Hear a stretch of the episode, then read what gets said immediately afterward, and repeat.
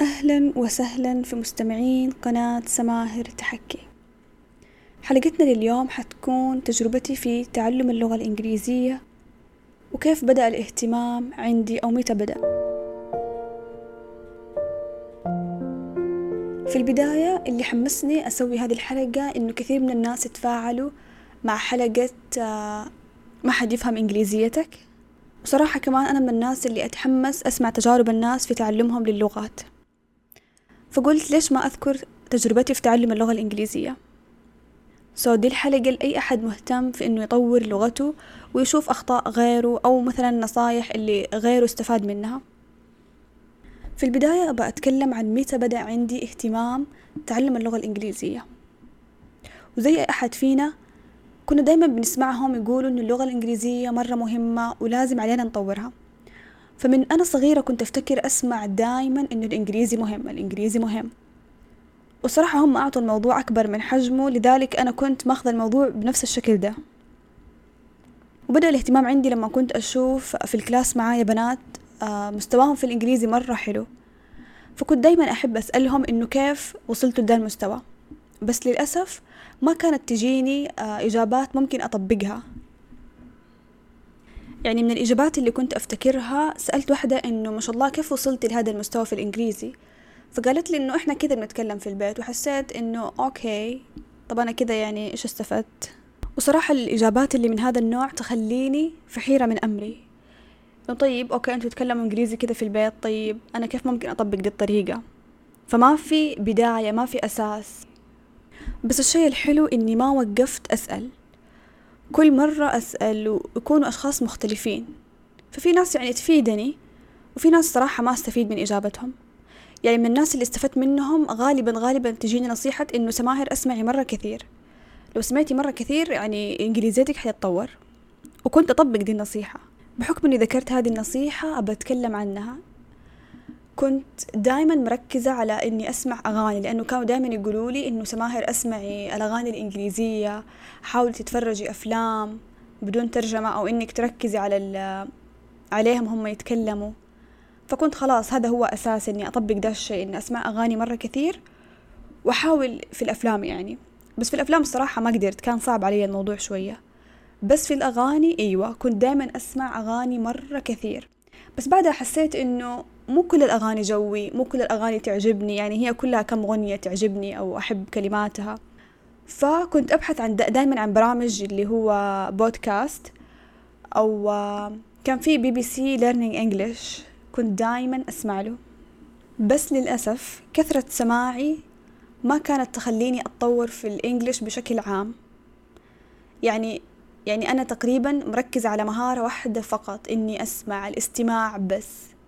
يعني في مهارات ثانية أنا مرة ماني مركزة عليها زي الجرامر الكتابة القراءة. هذه كلها ما كنت مركزة عليها بشكل قوي. وما كان عندي يعني اللي هو النظرة الشمولية هذه اللي من بعيد اللي لازم عندي مهارات لازم أركز عليها لازم في أهداف. لا كان الموضوع عندي عشوائي. فأول نصيحة أحب أقولها لأي أحد يبي يتعلم أي لغة في العالم لازم يكون عندكم هدف.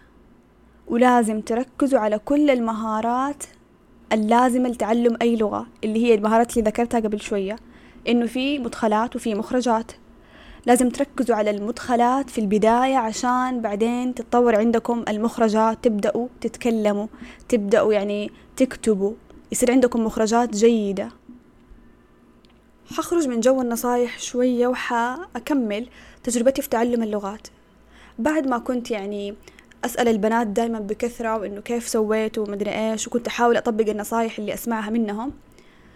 الفترة اللي قعدت فيها في البيت بعد الثانوي كنت أفكر إنه يلا أجرب أدخل معهد معهد إنجليزي. ودحين حذكر لكم تجربتي في المعهد. طبعا أنا كان هدفي من إني أروح معهد صراحة مو بس إني أتعلم لغة كان كمان إنه أبى أغير جو أبى أشوف بنات أبى نفس جو اللي هو المدرسة ودي الأشياء. إنه كذا جو حلو. بس المعهد اللي دخلته كان اللي هو التعلم فيه بشكل فردي. إنه أقعد على لابتوب أو على كمبيوتر وأتعلم. كل واحدة لها مستوى خاص كل واحدة لها كورسات خاصة فيها وزي كذا بس كان كمان في أشياء حلوة يعني كانت في إنه مع ال teacher نتجمع كل مع بكل نهاية فصل.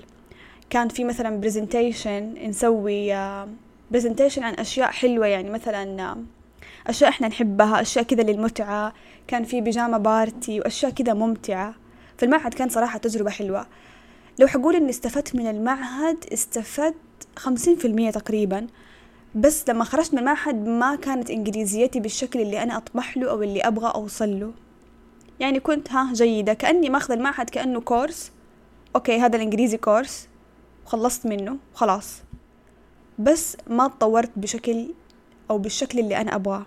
طبعا بعد ما خلصت من المعهد ما كنت مركزة في الإنجليزي بشكل كبير فكنت أمارس الأشياء القديمة اللي كنت أسويها أسمع كثير وخلاص.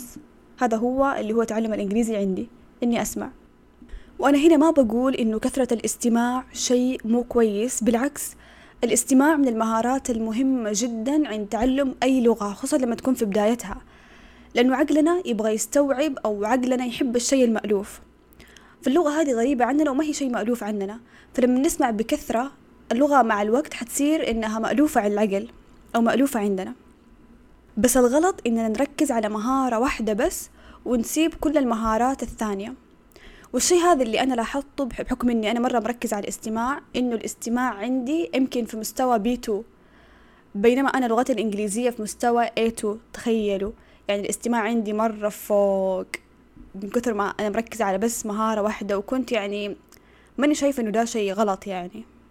في نفس الوقت مع ممارستي للاستماع كنت دايما أحب أسمع تجارب الناس اللي تعلموا لغة وصارت إنجليزيتهم مرة جيدة. وكنت أشوف مقاطع بالهبل وبس أشوف أخذ نصايح بس أشوف أخذ نصايح. أي أحد يديني نصيحة أحاول أطبقها. إلين ما شفت كورس إبراهيم عادل اللي تكلمت عنه في حلقة بودكاست قديمة اللي هي نطق الإنجليزي اللي ما حد يفهمه.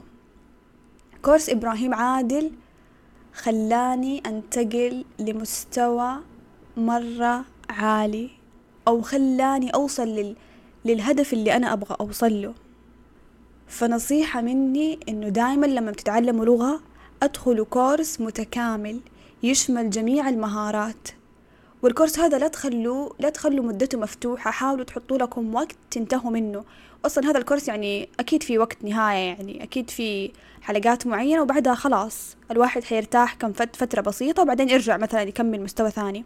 فكورس إبراهيم عادل مقسم لمستويات. تخيلوا بس خلصت المستوى الأول منه. طبعا كنت أسوي أشياء خارجية يعني عنه كنت أقرأ مثلا أستمع البودكاستات بالإنجليزي. بس إنه الكورس شيء ثابت في اليوم. وتخيل الكورس ما ياخذ يعني عشرين دقيقة في اليوم بس. يعني هو كان مسوي الكورس وكان يقول إنه كل يوم حلقة واحدة بس تكتفوا منها. فالكورس كان ياخذ وقت ترى مو بس شهر أو شهرين كان ثلاثة شهور أو أكثر. فالمستوى الواحد يمكن قعدت فيه ثلاثة شهور. وكنت طبعا خارج المستوى أقرأ مثلا. فتخيلوا بس مستوى واحد في كورس إبراهيم عادل نقلني لمستوى جدا جيد في اللغة الإنجليزية. تقريبا صار مستواي B 2 يعني آه المتوسط المرتفع. تخيل بس كورس واحد. تقريبا قلت أغلب المراحل اللي مريت فيها لتعلمي اللغة الإنجليزية. بس يمكن في شيء واحد ما قلته. هو إني كنت مع الاستماع أحاول أكتب كلمات الأغنية. كمان أحاول إني تخيلوا بعض الأحيان أتفرج مسلسل أو مثلا حلقة يعني وأحاول أكتب الحوارات اللي بينهم.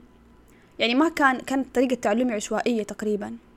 المهم فبعد ما قلت لكم رحلتي في تعلم اللغة الإنجليزية بقول لكم بعض النصايح اللي ذكرت بعض منها في البداية. أول نصيحة حابة أقولها مهم التعلم لما نبغى نتعلم مهم إننا نحدد وقت انتهاء لهذه المهمة. يعني أوكي هدفنا إن نتعلم الإنجليزي بس ما نقعد طول السنة نتعلم إنجليزي. يعني حتى إحنا كمتعلمين لما ندرس مثلا في الجامعة في مدرسة في أي في أي مكان كان في وقت خلاص الترم ثلاثة أو أربع شهور وخلاص ينتهي. العقل ياخذ إجازة إحنا ناخذ إجازة نرتاح. حتى يعني في رحلة تعلمنا لازم أيام يعني نمارس فيها اللغة وأيام نرتاح فيها. لازم في يكون أيام متعة أيام يعني نروح عن نفسنا فيها. فهذا شيء مرة مهم في أي في أي تعلم في الحياة. الشيء الثاني التنويع. زي مثلا الإنجليزي نحتاج إننا ننوع في كل شهر مثلا نركز على مهارتين أو ثلاثة مهارات. فما نقعد نغرس في مهارة واحدة زي ما كنت أنا مسوية. هذا يعتبر غلط يعني. فحلو إننا ننوع في المهارات عشان نتعلم بشكل يعني جيد ويكون عندنا مستوانا يكون يعني في كل اللغة في نفس المستوى. مو مثلا الاستماع يكون عالي والكتابة والأشياء الثانية تكون واطية مستواها. ثالث حاجة رحلة التعلم. مو كتاب حنخلصه وخلاص حن... ما حنفتحه مرة ثانية لا. رحلة التعلم هذه مستمرة كروتين يومي. يعني صح إنه إحنا زي ما قلت في البداية إنه مدة وننتهي من هذا التعلم بس لازم نخلي فيه أشياء مستمرة. زي مثلا نحاول نقرأ مقالات دايما بالإنجليزي أو نحاول يكون عندنا بودكاست نحبه كايه كتنويع أو ك كيعني متعة. مو إنه تعليم تعليم. مو إنه مثلا نفتح ورقة وقلم ونكتب زي كذا لا كأنه متعة بس إنه مثلا نسمع للمتعة. نصيحة برضو مهمة اتجنبوا التشتت. يعني لا تقعدوا تتعلموا من أي أحد. يعني أتعلم من هذا ومن هذا ومن هذا لا غلط. خلاص حددوا لكم شخص واحد تتعلموا معاه المهارات الأربعة أو الخمسة كلها. يعني زي أنا دخلت كورس إبراهيم عادل خلاص بدأت معاه وتعلمت معاه كل المهارات. شخص واحد. عشان عقدنا ما يتشتت وعشان ما نطفش وما نحس إننا في دوامة. شي كمان الاستماع وإننا نخلي اللغة مألوفة لنا شيء مرة مهم. يعني مثلا في بداية تعلمك لأي لغة حاول إنك تخصص وقت مرة كبير في البداية إنك بس تسمع حتى بدون ما يعني بدون ما تفهم. لما تصير اللغة مألوفة عندك. ومن الأشياء اللي أنصح فيها برنامج دولينجو مرة مرة مهم. يعني كنت أتعلم عليه لغة فرنسية وقعدت عليه قلت أبى أخلي اللغة مألوفة عندي. لما تصير اللغة مألوفة عندي الفرنسية خلاص عقلي يصير يعني الفرنسية مألوفة عنده. خلاص هبدأ وقتها مثلا أسوي جدول ثاني. فإننا نخلي اللغة مألوفة عندنا شيء مرة مهم. تقريبا ذكرت رحلتي وتجربتي في تعلم اللغة الإنجليزية بشكل كامل وقلت أغلب النصايح اللي أبغى الناس تستفيد منها لأني أنا يعني أخطاء سويتها. سو so, وصلنا لنهاية الحلقة. أتمنى لكم رحلة تعلم ممتعة. وكمان أتمنى لكم شريك تعلم مرح. كنت معاكم أنا سماهر علي في بودكاست سماهر تحكي ودمتم بخير.